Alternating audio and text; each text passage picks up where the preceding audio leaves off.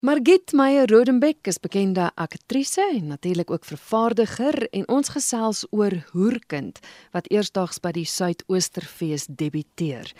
Margit, welkom weer op RSG Kuns. Baie baie dankie, dit is altyd vir my 'n voorreg.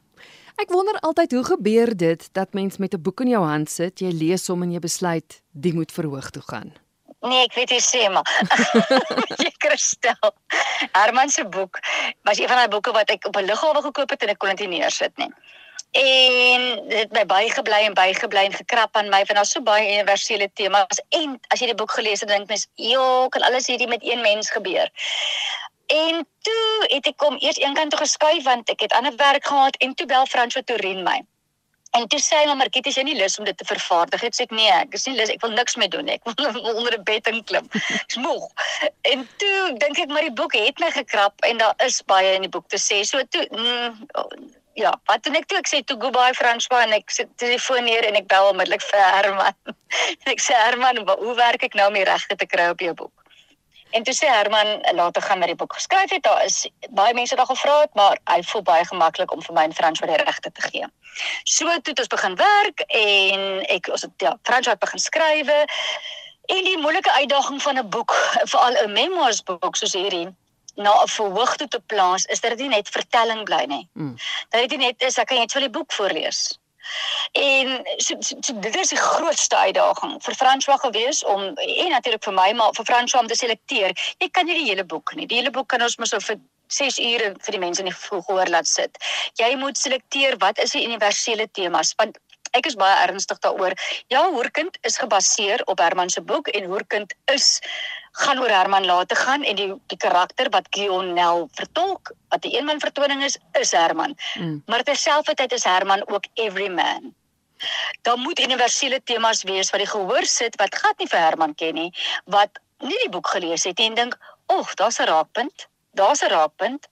OK, ja. Of ek wil nou die boek gaan lees of ek gaan nie hoor dan moet iets wees vir almal dan moet iets wees wat, wat ek kan huis toe vat uit uit uit hierdie verhaal en dis hoekom ek ook nie met die regie vir Gion hoe genaamd sê word Herman nie.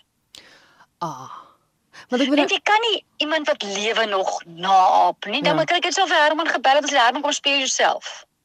Dit was nogals wat ek wou vra is want maar jy het nou my vraag beantwoord. So met ander woorde hy word Jan Alleman of of universeel? Uh, met dat hy word meer universeel.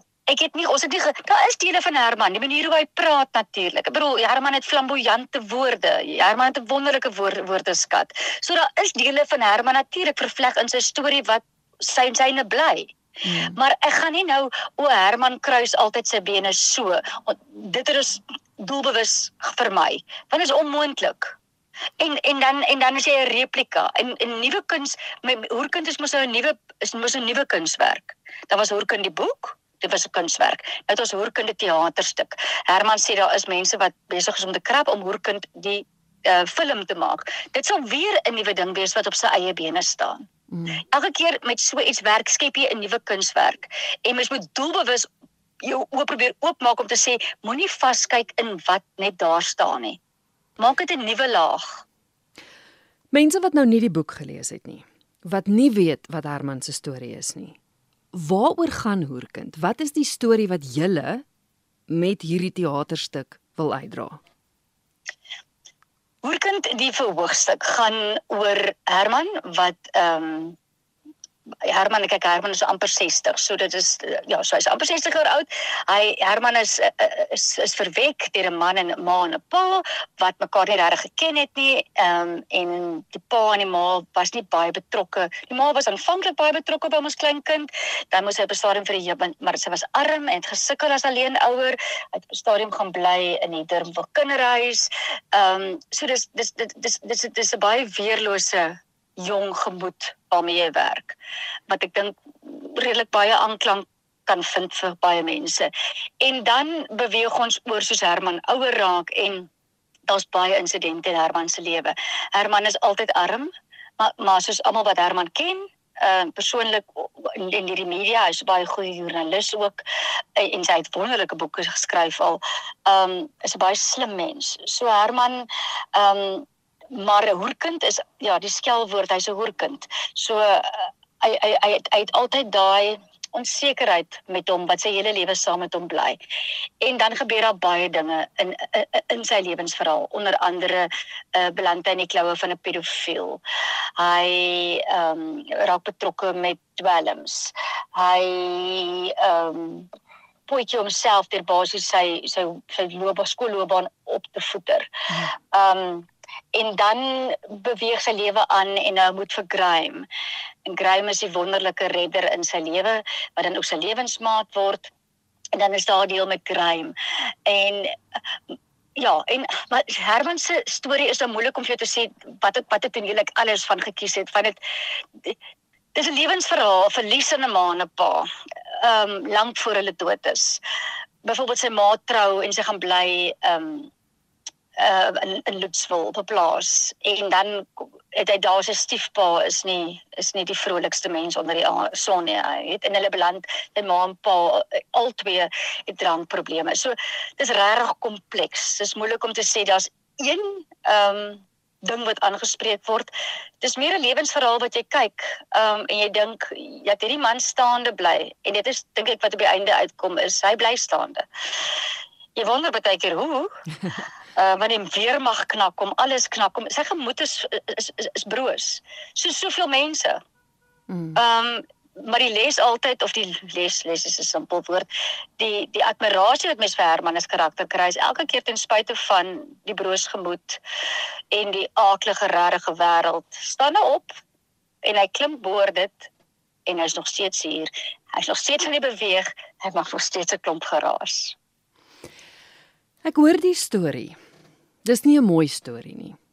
Ek dink nee. aan ander toneelstukke soos Kampoer wat ook nie 'n mooi storie is nie. Ek dink aan Plesierengel. Nee. Ek dink aan Die reuk van appels.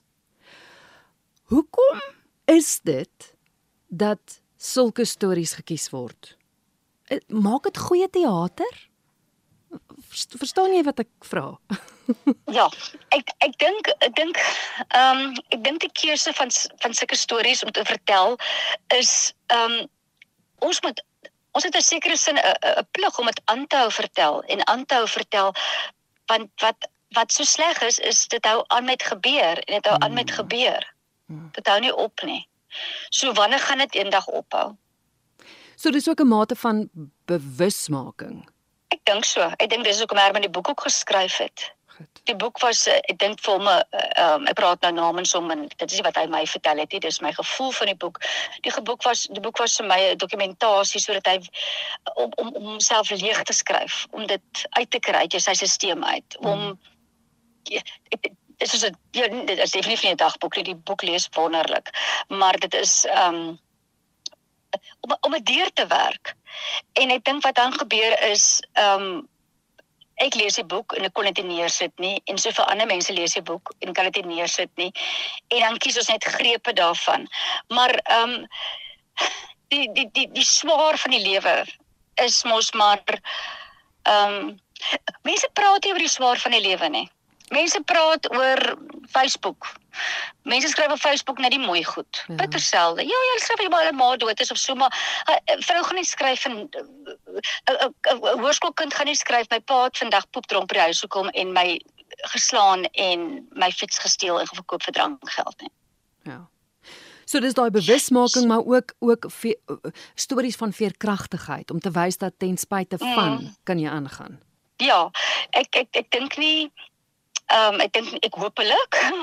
Dis altyd die die die waagstuk wanneer jy 'n splinter nuwe teks skep en 'n splinter nuwe produksie jy dit is nog nie beproef nie.